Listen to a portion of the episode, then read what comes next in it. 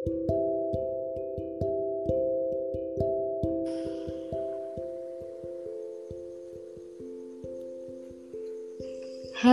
welcome back to my podcast. Nah, sekarang saya akan mengundang, adik saya kembali Eca dan Rian temannya. Nah, kali ini kita akan membahas tentang mental health nih. Uh, sekarang uh, saya mempersilahkan untuk anggota baru kita nih, Cak. Rian memperkenalkan diri dulu dong. Rian. Halo. Halo Rian. Wah, Rian tidur ya? Rian mana nih?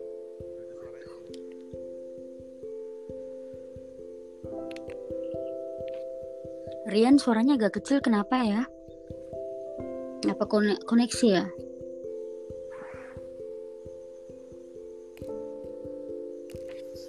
Wah, halo teman-teman. Nah, koneksinya. Ya, halo teman-teman. Uh, sabar dulu ya, soalnya Rian masih di koneksi yang kurang stabil. Jadi kali ini cuma saya sama Eca. Nanti sebentar okay. Rian muncul lagi. Tunggu ya, saya panggil Rian lagi. panggil Ranger Blue. uh, jadi tadi juga sudah sempat di cancel karena ada koneksinya juga nggak bagus di sini. Ya semoga lancar ya podcast malam ini soalnya untuk nge-podcast itu memang harus punya signal yang oke okay. dan hmm. karena nggak bisa jeda gitu mopi mopu. nah kali ini kita berdua dulu oke okay, nanti Rian menyusul aku udah invite. Nah kali ini kita akan membahas tentang mental health. Nah, seperti yang kita tahu semua juga kalian kalau sering memang fokus dan concern ya ke mental health gitu. Jadi mental health itu penting sekali karena uh, mental health itu termasuk kemampuan kita dalam mengelola emosi, uh, tindakan sehingga kita bisa hidup bahagia, sejahtera, hatinya juga nyaman seperti itu. Tapi uh, mental health itu sendiri uh, adalah suatu keadaan di mana uh, mental kita itu dalam keadaan baik tapi terbagi lagi. Kita bisa menjadi mental illness yaitu uh, kondisi psikis kita uh, dengan berbagai uh, keadaan situasi gitu. Jadi misalnya ada beberapa kan kalau kita google itu kita di sini bukan psikologi eh, psikiater atau psikologi ya jadi kita cuman kita di sini cuman apa ya hanya sekedar beropini berdasarkan mungkin pengalaman pribadi atau pengalaman teman-teman sekitar kita atau bahkan diri kita sendiri yang pernah mengalami uh, apa mental yang kurang baik karena bully atau karena insecure sama diri sendiri kita stres akhirnya depresi. Jadi kita sama sekali di sini uh, bukan uh, ahli di bidangnya, tapi kita hanya ingin beropini dan membahas ini karena juga uh, mental health itu adalah hal yang memang sangat penting buat kita, buat saya gitu. Halo Rian, Rian sudah bergabung ini.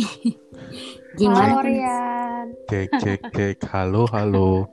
Ah, ini suaranya sudah bagus, bagus bagus. Udah bagus. Tadi tenggelam.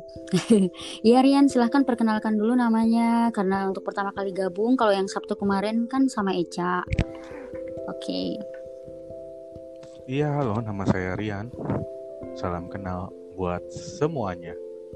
Yeah, suaranya yeah. memang suaranya memang oke okay, ya kayak penyiar radio. Emang dia mantan penyiar radio, Mel. MG. Emang dia penyiar radio. Oke. Okay. Nah, sekarang eh, gimana Rian dulu atau Eca yang mau berbincang-bincang tentang pentingnya mental health dalam kehidupan keseharian kita? Kayaknya yang punya rumah dulu deh. Iya. Udah tadi. Punya rumah dulu. tadi sudah. Oh tadi oh, sudah ya. Berarti iya. tamu pertama. Oke. Okay. Nah tamu kedua nyimak ya. Oh. Oke. Okay. Jadi uh, mental health atau ya istilah lainnya kesehatan mental atau kesehatan jiwa gitu ya.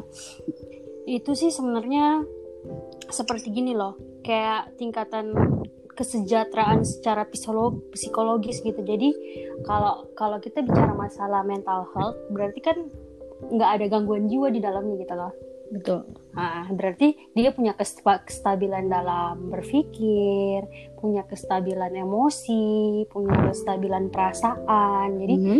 ah, jadi semuanya tuh eh, balance gitu loh. Jadi pentingnya kesehatan jiwa itu seperti apa sih? Ya mungkin kalau saya lihat, mungkin karena saya di dunia pendidikan ya. Kadang mulai dari kita eh, SD, SMP, SMA, beranjak rem- remaja sampai kuliah, jarang loh ada kayak edukasi tentang kesehatan mental dan kesehatan Betul. jiwa itu.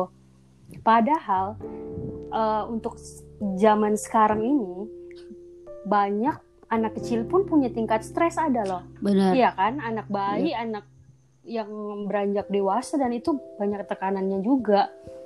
Jadi sebenarnya eh, di sekolah harus ada eh, edukasi tentang itu. Memang ada kayak guru BP gitu kan ya, guru bimbingan konseling. Cuman kan dia tidak tidak secara khusus mengedukasi. Jadi dia tuh kayak ada permasalahan di sekolah, nanti dilapornya ke dia, dia yang manggil orang Hmm, tua. iya. Jadi nggak ada kedekatan-kedekatan emosional yang dibangun antara gu- guru bimbingan konseling sama mahasiswa. Jadi orang terkesannya, ih aku tuh kalau dipanggil sama guru BK itu berarti aku tuh ada kesalahan fatal gitu kan, kayak aib gitu, malu gitu. Padahal kan sebenarnya enggak, kayak gitu. Dan mungkin eh, untuk di Indonesia mungkin agak sedikit berbeda dengan di negara lain itu kan berkembang sangat berkembang ilmu parenting ya Mungkin di betul di perkotaan mungkin Mbak Ime, Kakak Ime juga mempelajari ilmu itu ya, ilmu parenting karena sudah menjadi eh, seorang ibu gitu kan ya. Iya, saya ikut beberapa kelas parenting yang seperti kamu tahu kan. Iya. Iya. Jadi kan sebenarnya kalau di Indonesia kan mungkin ya di kota-kota besar ada akses seperti itu.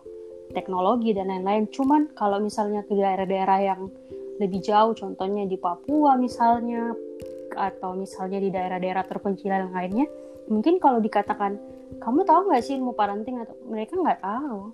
Jadi jadi ngebimbing anaknya itu masih secara teori klasik gitu kan. Iya. yang mencubit lah ngebully sendiri. Kamu kok kenapa kamu nggak kayak sepupu kamu tuh? Jadi nggak kayak kakak kamu? Juara kelas kamu kok nggak? Itu kan pressure tekanan juga bagi anak Nah, bahkan di lingkungan keluarga sendiri ya, kalau menurut saya sangat jarang membahas tentang mental health karena iya mereka lebih yang namanya orang tua tuh lebih di dalam uh, parenting kelas kemarin dijelaskan lebih menuntut gitu loh dibanding untuk yang uh, bisa melihat uh, perkembangan kesehatan mental anak dari fase ke fase gitu. Kalau menurut saya seperti itu. Nah, kalau Rian sendiri gimana di keluarganya? Apakah ada pernah diajarkan tentang kesehatan mental di, atau diperhatikan orang tuanya concern ke arah sana atau seperti apa? Kayaknya sih kalau orang tua zaman dulu jarang ya. Betul. Jadi kita semua Iya kelahiran berapa, guys? Jadi aku lah pernah Eh. merian berapa tuh 90-an ya iya 90-an. OMG aku nenek-nenek. Hmm. enggak lah kak Jadi kadang Ya, kalau orang tua zaman dulu tuh rumusnya ya rumus kehidupan gitu loh. betul.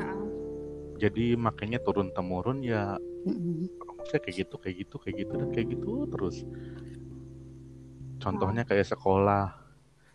Sebenarnya kan yang harus mengasih nilai-nilai kehidupan itu orang tua, bukan Betul ya. anak yang mengasih nilai pelajaran matematika ataupun lainnya ke orang tua gitu. loh.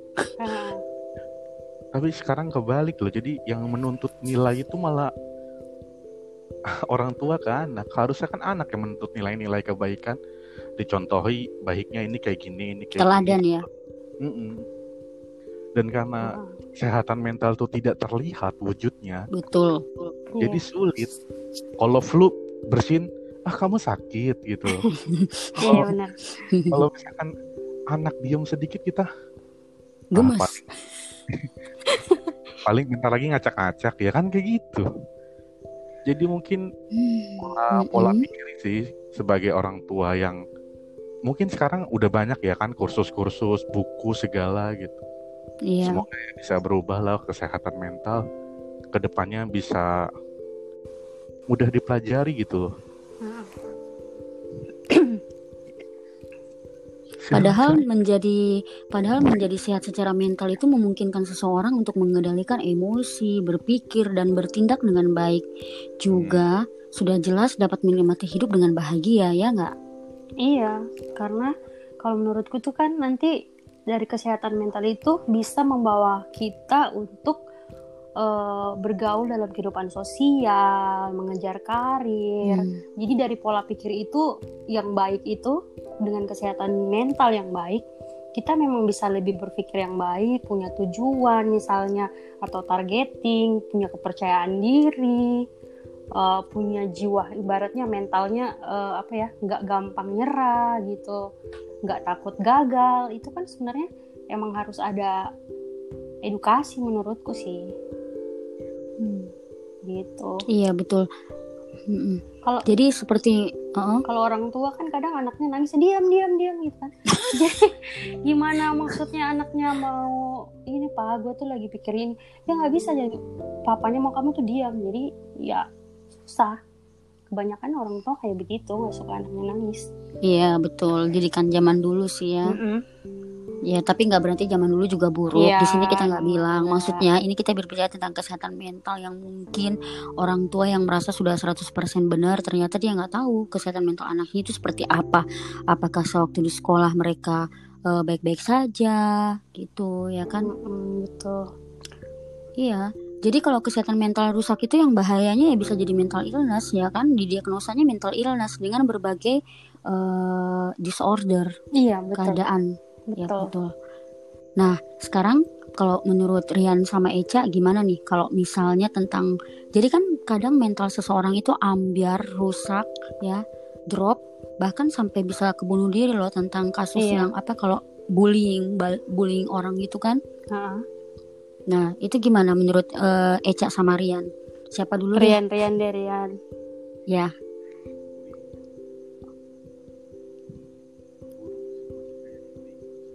Suaranya kecil lagi Ya maksudnya kalau bullying itu sangat buruk perilaku bu- bullying itu sangat buruk Hmm. karena kita tuh nggak tahu loh orang tuh punya masalah apa dan pribadinya gimana, cara pikirnya gimana, Mm-mm. latar belakangnya gimana.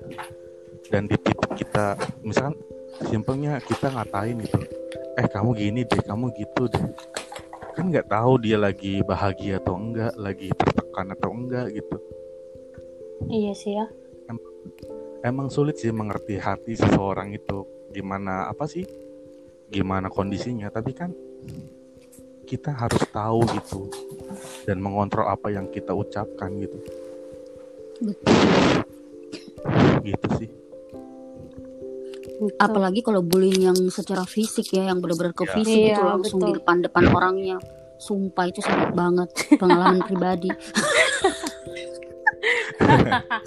tapi iya sih tapi untung untung saya mentalnya emang cuek gitu. Tapi coba kalau orang yang nggak cuek sampai teman saya nih ya pernah sampai dibullying gitu Nah, karena dia sangat apa kurus terus dia sampai nyaris udah minum obat yang berbahaya demi untuk gemuk akhirnya dia kena sakit apa nih eh, kelenjar gitu kan di apa sih namanya ya gondok itu gondok dalam Tiroid. karena itu obatnya ternyata mm-mm, ternyata obatnya itu merusak walaupun dia akhirnya gemuk akhirnya apa orang kan jadi hanya eh, karena bullying itu dia mereka jadi pengen eh, seperti yang orang itu katakan gitu maksudnya Iya. pengen jadi sempurna secara tidak langsung tertuntut untuk menjadi apa yang digambarkan Orang. orang, lain.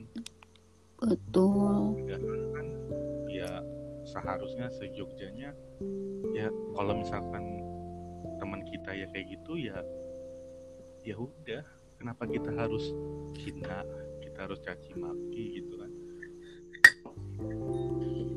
Iya, padahal kan jelas-jelas ini juga ciptaan Tuhan yang sudah pasti bagi Tuhan itu sempurna. yang terbaik buat kita kan yang pasti terbaik ya dari Tuhan gitu Iya. Kalau dari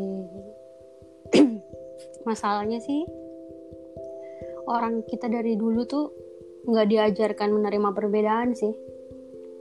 Hmm? Iya, Oh gitu. menurutku maksudnya Perbedaan yang fisik gitu kan, Ah, karena jadi rata-rata orang punya standar. standarisasinya ganteng ada. gitu. Eh, Kamu ganteng Hmm. tuh, misalnya kamu tuh harus Betul. yang bodinya kayak gini, six pack, Betul. harus yang punya rambut kayak gini untuk perempuan kayak jadinya di mana standarisasi seseorang berbeda jadinya pasti dibully kamu kok kayak gini kamu kok kayak gini karena mereka sudah buat standarisasi mengkotak-kotakan sesuatu Hmm, berdasarkan fisik ya. berdasarkan fisik dan memang kebanyakan bullying terjadi tuh banyakan ke fisik memang Apalagi nih kalau di mu- mungkin yang punya apa komun- komunitas-komunitas gitu kan. Jadi contoh ini nggak nggak semua maksud saya misalnya dia eh, modeling di dunia modeling terus semua itu kan harus kurus tuh. Mungkin yang punya standar harus benar-benar kurus. Nah, akhirnya kalau misalnya ada yang eh, sedikit aja badannya terlihat agak eh, Gemuk gemuk dari yang lainnya itu kan bisa benar-benar dibully biasanya. Maksudnya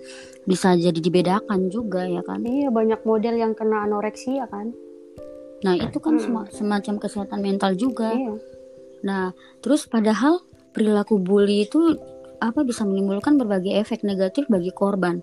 Bisa gangguan mental, mulai dari sensitif, dia jadi marah-marah yang meluap-luap, depresi, Tidak percaya depresi. diri. Iya, betul tidak percaya diri. Cemas juga itu kan termasuk cemas. cemas Ya, keinginan menyakiti diri hingga ya itu yang bunuh diri, kan kan itu yang parah-parahnya. menuntut kesempurnaan kan dari orang lain lihat oh kalau orang lain tuh kayak gini loh. Definisi sempurnanya tuh begini definisi cantiknya begini definisi pintarnya begini. Padahal kalau kita bicara masalah kepintaran kecerdasan setiap orang itu punya eh, kelebihan yang berbeda-beda. Misalnya yang satu jago di lebih bidang fashion yang satu jago di bidang penulisan yang satu lebih jago di bidang lapangan atau marketing atau apa memang beda-beda. Nggak bisa diseragamkan untuk satu bidang nggak boleh Iya sih. Mm-mm. Ini yang baru-baru yang bikin saya paling kaget nih. Iya eh Eca sama Rian pernah nggak ya? Itu kan anak ini ini anak laki-laki nih, tapi nggak tahu umurnya kalau nggak salah mungkin dia sekitar 8 tahun. Jadi dia itu pintar sekali bikin quotes-quotes apa eh, kata-kata kalimat bijak. Jadi dia viral di Hmm. Instagram karena dia seorang anak yang pintar sekali bikin kalimat ini, kalimat eh, meme-meme bijak gitu. quotes quotes Nah. gitu ya Ya quotes Iya. ter- Mm-mm. Sekilas pernah lihat deh kayaknya waktu itu Betul. di wawancara di mana gitu. Iya. Nah, uh-uh. ternyata dia itu bukan dia yang menulis. Jadi itu semua yang tulis itu kakaknya. Kenapa? Hmm. Dia itu ternyata berhenti sekolah karena dibully eh, mencuri uang di sekolah padahal dia tidak sekolah dia tidak mencuri. Sejak itu dia sudah tidak masuk sekolah lagi dan dia eh, entah dengan berbagai cara sudah diajak masuk sekolah dia nggak mau.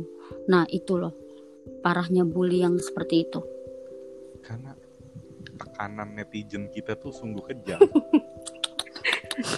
Jadi Meghan Markle nggak boleh ke sini ya. netizen plus 62 Gak plus 6 bulan itu nggak bisa salah di nggak boleh salah netizen Indonesia astaga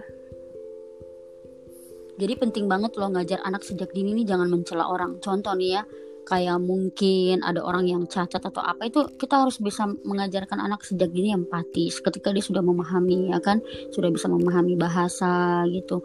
Karena eh, contoh aja nih kita misalnya yang mungkin ada ketidaksempurnaan dalam fisik, kemudian teman kita sendiri, teman dekat, atau bahkan ada yang saya dengar, eh, saya baca pengalaman teman saya itu orang tuanya sendiri yang mencela dia, Eh, karena dia mungkin merasa ada kekurangan dalam diri dia. Jadi eh, itu sangat penting sekali diedukasikan sebenarnya. Jadi di sini kita bikin podcast supaya mungkin yang mendengarkan pernah mencela orang lain atau tanpa sadar gitu bisa eh, lebih eh, apa ya aware ke diri sendiri jangan sampai berbuat seperti itu karena itu bisa merusak mental orang lain Betul. ya enggak betul. sih bikin orang insecure itu sih hebatnya kata-kata makanya kita harus hati-hati bisa bikin orang down bisa Benar. bikin orang yang tadinya nggak punya Hmm. semangat jadi semangat jadi kayak dua sisi mata uang gitu kata-kata itu Hmm. makanya kata-kata harus baik-baik Iya menjaga menjaga. Apa Rian menjaga Menjaga ucapan. Terus aneh nggak sih menurut kalian? Kalau misalnya nih sering saya lihat nih bahkan terjadi pada diri saya sendiri. Jadi pada saat itu ketika saya sedang eh, baru-baru belum ya baru aja sih siuman dari operasi sesar gitu. Terus ada yang jenguk terus tanya gimana tanpa tanya kabarku gimana baik apa enggak malah ditanya gimana anaknya putih atau hitam sakit nggak tuh sakitnya tuh di sini Nah, ternyata untuk bayi lain juga begitu saya lihat ketika ada yang menjenguk biasanya bertanya seperti itu putih nggak sih? betul Jadi putih itu standar Tapi bahaya juga sih kalau kita ngebahas ras lagi. Iya. Jadi makanya tuh sekarang itu apa namanya? Eh kalau di pendidikan tuh ada namanya soft skill. Jadi sekarang soft skill tuh Hmm. lebih dominan gitu. Jadi orang nggak nggak Hmm. harus jago di pelajaran juga, tapi jago di soft skillnya. Heeh. Betul. Kar- tapi susah loh mengarahkan orang tua yang yang sudah ya sudah makan asam garam terus arah kehidupannya ke arah situ terus kita bilang kita tuh bisanya ini gitu Ditabok deh. iya iya. Mengu- merubah keyakinan orang tua itu susah banget ya. Iya betul. banget. Apalagi Iya. Apalagi Makanya- bentrokan kalau sama mertua makanya- ditekannya beda pola asuhnya. Waduh. Makanya stop di kita gitu loh. Jadi kita bisa mengajarkan yang mil- generasi kita ini bisa mengajarkan kepada anak-anak anak-anak kita semua gitu. untuk menjaga kesehatan mental orang lain dan diri sendiri. Loh, diri sendiri tuh Banget. penting loh. Eh, mm-mm. jadi eh, kadang eh, bullying itu bisa menyebabkan orang juga trauma, trauma trauma yang sampai ya itu kayak tadi mungkin kan trauma udah nggak mau sekolah padahal masih sekecil itu butuh pendidikan kan cuman karena dituduh mencuri dipaksa mengaku padahal dia nggak mencuri oh benar pas aku pas saya baca tuh kaget sumpah saya kira dia yang bikin quotes itu Ternyata kakaknya. kasihan iya kasihan nanti kalau saya ketemu jadi saya share iya sih Mel. Gitu. Kalau bicara kesehatan mental memang PR-nya banyak pihak ini. Heeh, apalagi paling Betul, paling dan- eh, ininya di keluarga sih paling utamanya. Karena kita lebih banyak waktu betul ke saya percaya Interaksinya juga ke sana. nah sedangkan yang kadang juga bikin kita insecure juga keluarga atau orang terdekat Iya. kita Cin Iya ya sih. kan Trigger ya kan lingkungan sendiri Betul Rian banget. Padahal itu kondisi psikis seseorang itu akibat mental health-nya tidak terjaga itu lumayan bisa menimbulkan berbagai macam disorder sampai berbagai macam penyakit. Nanti itu itu bisa kita bahas nanti mungkin di episode berikut tentang mental illness gitu. Karena kan kalau dari mental health itu kalau dia mental health-nya didiagnosa eh, kurang sehat itu kan jadi Iya. mental illness gitu kan. Padahal kita harus saling support orang lain agar mental mereka terjaga, terjaga, jangan saling ngebully itu. Dan sekarang juga di mana-mana juga lagi apa ya, lagi banyak gitu yang ngebahas tentang mental health kan karena makin zaman ternyata itu memang semakin penting. Iya betul.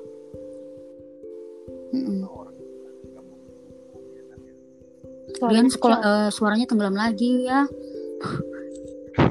Iya kenapa Ah, kenapa gini. banyak Mm-mm. kenapa banyak orang yang nggak mau mendukung misalkan misalkan ada seseorang yang punya masalah terus cerita gitu kan Iya terus mungkin sehat kesehatan mentalnya mentalnya tidak baik atau gimana tapi karena ada judge ya kan? Mm-mm. kenapa orang itu bisa kayak gitu? Karena kadang manusia itu menjadikan masalah orang lain jadi masalahnya. Kan seharusnya masalah itu cukup didengar dan diberi solusi bukan betul. dikomentari. Iya betul. jadi di situ sih kadang orang tuh drop ke bawah mentalnya karena itu kan masalah gue gitu loh. Kenapa dijadiin masalah lu gitu lu tuh cukup ngedengerin Sedia aja gitu mendengar betul. iya di situ sih kadang orang tuh salah mendukung atau nggak mau mendukung gitu Kayak aku dengan Ria nih saling mendukung. saling mendukung nggak pernah tidur malam. Dan tahu nggak, tahu nggak sih kalian, saya itu ada satu hal yang paling saya lumayan battle ya battle dalam artian saya kritis banget tuh ketika orang yang benar-benar mencela fisik orang lain contoh mungkin dari yang uh, mungkin masalah ras atau tidak mungkin uh, apa mencela orang masalah fisik body atau mungkin status iya. sosial itu saya benar-benar bisa negur langsung loh. Saya nggak bisa diam melihat uh, orang ngomong seperti itu. Itu pasti saya tegur dengan cara yang baik bisa. Dengan cara yang ngegas juga boleh. Kamu kan secara orangnya frontal ya kritis ya? Ya, ya begitulah sangat, karakter sangat kritis, kamu. tahu. Uh -uh. pernah nggak sih lihat orang tuh kan di resto mukul anaknya cuma gara tumpah air terus berani nggak coba udah nggak pikir risikonya apa uh, saya datangi terus saya bilang maaf pak anak itu masih kecil nggak nggak pantas bapak begitu. Di sini banyak yang lihat untung bapaknya sabar coba enggak mati. Mungkin saya sudah di tampol itu karena karena orang tuanya nggak mau ngasih nilai-nilai iya. gitu nilai kayak gitu ya kayak gitu pola, pola asuh sih ya. penting pola gitu. Iya, karena ini yang saya belajar kelas uh, parenting kelas, ternyata pola asuh itu membentuk mental anak loh. Percaya nggak sih? Aku su aku tuh baru tahu tuh waktu mulai gabung-gabung ke grup parenting itu yang kamu undang tuh Mel. Nah, saya hmm, baru kan? agak terbuka oh ternyata tuh uh, karakter, karakter anak, anak, dari sana banyak banget aneh-aneh. Afirmasi juga penting untuk seorang anak. Oh, oh. Nah, ternyata bener. begitu. Aku nggak tahu dulu aku diafirmasi waktu kecil. Tapi gimana kalau menurut kalian sendiri menjaga mental? Oke, ini di luar dari apa ya? Maksud saya dari orang lain yang kita nggak bisa kontrol hmm. diri kita nih. Contoh nih mungkin kita kita berada pada titik yang uh, terbawah. Contoh kita dulu punya segalanya, terus tiba-tiba nggak ada. Terus orang lihat kita nih, dia bukan nanya, eh kabar lo gimana? Tapi eh mobil iya, lo mana gitu ini gimana nah itu menurut kalian bagaimana proteksi Rian sama Eca ke diri sendiri untuk menjaga mental kalian sendiri protek ke diri kita kayak gimana ya? Iya, supaya mental health kamu tetap okay. terjaga. Sebenarnya kalau masalah ini kan masalah perubahan ya. Perubahan dari kondisi yang satu dengan kondisi yang lain. Jadi dari dia punya segalanya terus hidupnya harus yang biasa aja gitu kan. Yang tadi menghadapi orang lain, uh, komentar, menghadapi komentar orang lain. Yang namanya proses adaptasi itu emang tidak gampang menurutku jadi pada saat hmm. kita berubah ke suatu kondisi tertentu, sebenarnya tuh kalau seseorang sudah misalnya satu keluarga ini harus sebenarnya idealnya tuh harus solid menurutku. Itulah hakikat dari keluarga. Jadi di mana ada kita kondisinya sulit atau apa bisa saling menopang gitu loh. Kita nggak nggak nggak ngerasa sendiri, nggak ngerasa uh, orang lain pada judge kita begini begitu. Menurutku seperti itu. Jadi cara memprotek sendiri tuh kalau saya sih secara pribadi mungkin pernah berada di kondisi itu ya Mel. Jadi uh, kalau saya tuh lebih kepada aku tuh apa-apa lebih kebalikan ke diri sendiri gitu. Jadi kayak menurutku hmm. tuh kalau kita yang nggak battle sama kehidupan, kita yang kalah. Gitu. Kita harus keras Betul. juga maksudnya saling battle sama kehidupan. Karena apa-apa memang butuh perjuangan. Oke okay lah, sekarang kita harus menerima keadaan yang baru. Misalnya oke okay, life must go on gitu kan. Kita harus menerima roda tuh berputar. Sekarang gue lagi nggak punya apa-apa nih misalnya. Ya kita berpikir lah gimana caranya dari yang nggak punya apa-apa lagi sekarang bisa lagi punya apa-apa gitu. Jadi uh, mindsetnya harus benar-benar kita kelola sendiri sih. Kan intinya dari kita juga. Memang perlu spirit orang lain perlu motivasi dan lain-lain. Tapi kalau aku intinya ke diriku dulu sih. Aku yang keras ke ke tekadku sendiri gitu. Menghadapi komentar orang lain untuk menjaga mental kamu gitu itu itu kamu hadapinya seperti apa?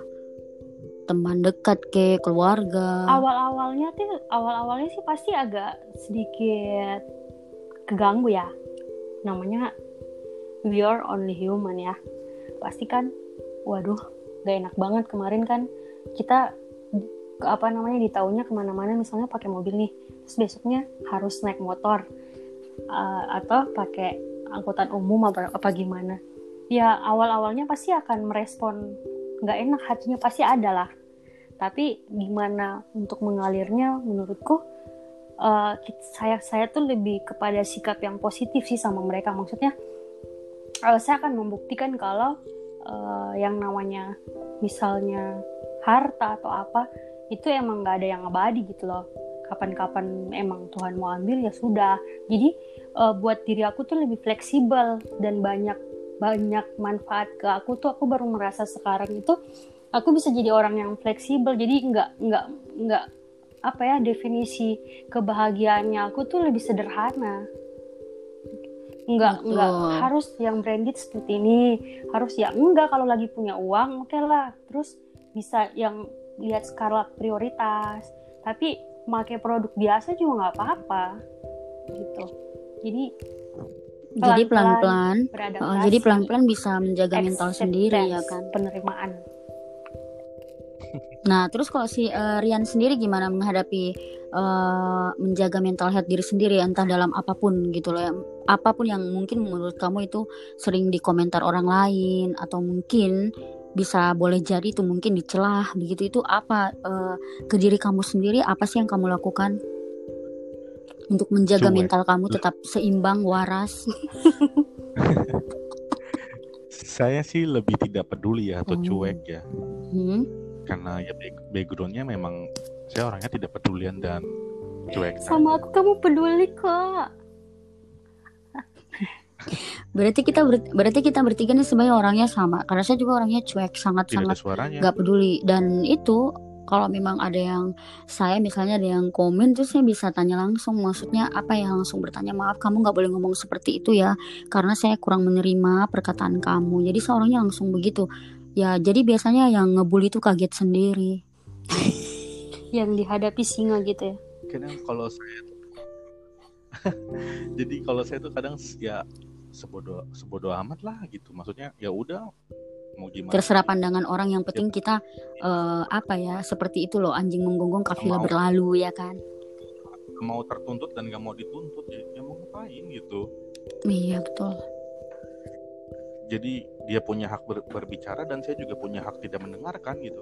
Jadi memang penting sekali ya menjaga mental health kita masing-masing. Nggak usah kalau misalnya untuk mau berharap orang mengerti karena kita ini nggak bisa kontrol hmm. opini orang lain kita nggak ya, bisa kontrol omongan orang lain, pemikiran orang lain. Tapi kan kita bisa uh, kontrol respon kita kan sama ya. apa yang orang katakan supaya mental health kita tetap terjaga. Ya, ya nggak sih? Kita nggak bisa menuntut orang lain untuk jadi apa yang kita mau gitu. Betul. Terus kalau kalian sendiri nih punya teman yang suka ngebully kira-kira kalian uh, ngomong apa ke mereka? Semoga cepat bertobat ya, iya bertobat lah berani ngomong langsung. Kamu mau? Lah berani? ini berani. ini live nih iya. didengar banyak orang. Iya. Didengar banyak orang ini Iya bener banget ya. Saya juga sih ya kalau punya teman, kalau teman saya kayaknya kalau untuk yang inner circle sendiri yang sahabat, uh, ya sangat bersyukur mereka nggak bukan orang yang suka membuli, mereka baik-baik. Justru dari kadang ada lingkungan yang bukan teman tapi dekat. ya nggak usah dibilang karena nanti mungkin takutnya kedengaran atau gimana juga. yang jelas itu yang lebih suka membuli. Hati-hati kamu. Iya betul karma doesn't exist. Saya percaya sekali karma itu benar-benar. Iya. Selagi tidak menyebut brand. Iya betul. Kita nggak nyebut brand. Entah mawar, si mawar, si melati, si bunga matahari itu yang jelas. Tapi kalau ciri-ciri boleh. Ciri-ciri. Pokoknya bukan bukan bukan inner circle kita tapi di mereka itu mungkin ya boleh dibilang lingkungan keluarga atau teman tapi bukan inner circle Sebut ya. nama aja sekali. Nah, mungkin. Wah, nanti podcast kita jadi nggak menarik dong, guys. Nah, buat teman-teman yang malam minggunya sempat uh, langsung dengar nih, bagus juga. Tapi karena kita juga masih baru di dunia podcast, jadi mohon dimaklumi juga kalau kadang jaringan kita lelet atau suara kita kembang kempis atau suara mic-nya uh, kurang oke karena kita juga kan seadanya tapi kita ini cuma pengen berbagi opini di sini. Uh, mengisi waktu yang positif gitu kan. Siapa tahu ada yang mendengar yang suka ngebully terus sadar kalau ternyata membuli itu bukan hal yang baik. Itu bisa merusak mental orang lain kalian harus ingat. Jadi uh, mungkin setelah mendengar podcast kita uh, kalian itu langsung jadi sadar terus jadi lebih baik lagi menjaga omongan kalian saat mau mencela orang lain baik itu fisik atau apa pun itu. Itu kalian bisa lebih menyimpan dibanding langsung mencela orang tersebut. Karena mental orang beda-beda. Ada yang dicela cuek aja kayak Sirian yeah. uh, tapi ada yang dicela kepikiran sampai nggak tidur. ada. aduh kenapa? Oh berarti saya jelek ya. Aduh saya ini ya saya itu ya. Akhirnya kita nggak tahu. Mereka akhirnya sudah terganggu jam tidurnya karena pikiran. Iya, ya oke okay, sudah 30 menit. Kita celoteh-celoteh berbincang. Mungkin Sabtu depan uh, kalau Rian mau gabung bisa juga kita dari temanya dulu kita bahas apa lagi. Nah buat teman-teman semua uh, kalian boleh uh, komen mungkin di uh, di di mana ya kalian boleh kalian dengar aja dulu di podcast kita. Nanti kalau kalian mau komen, kalian kenalan deh sama Instagramnya kami bertiga. Tuh kalian boleh komen-komen di situ tentang uh, setiap episode podcast yang kalian dengar. Kalian pengen uh, berbagi opini juga silahkan. Uh, kemudian uh, kalian juga bisa untuk menahan diri untuk jangan sampai kalian melakukan pembulian kepada orang lain stop di kita dan kita harus uh, berbuat baik kepada orang lain gitu loh. Jangan sampai kita uh, mengatakan orang yang enggak enggak berdasarkan diri mereka sendiri gitu. Nah uh, berarti sesi tentang mental health ini kita close sekarang. Hmm. Nah, buat Rian, buat Echa, terima kasih sudah bergabung di podcast ini. Uh, terima kasih iya. banyak atas waktu kalian. Oke, okay, thank you Satu so much. Dari aku, Mel. Ayo dong. Jangan uh -huh. rusak cerita hidup orang lain. Oke? Oke. Iya. Satu kata please ya. Ya, silakan Rian boleh. Greeting, close. Uh -uh kalau nggak bisa bikin pahala jangan buat dosa. Oke, okay, selamat, selamat bulan, bulan Ramadan. Ramadan. Buat teman-teman yang berpuasa, selamat berpuasa, selamat bermalam minggu. Bye bye. bye, -bye. Dadah. Dadah.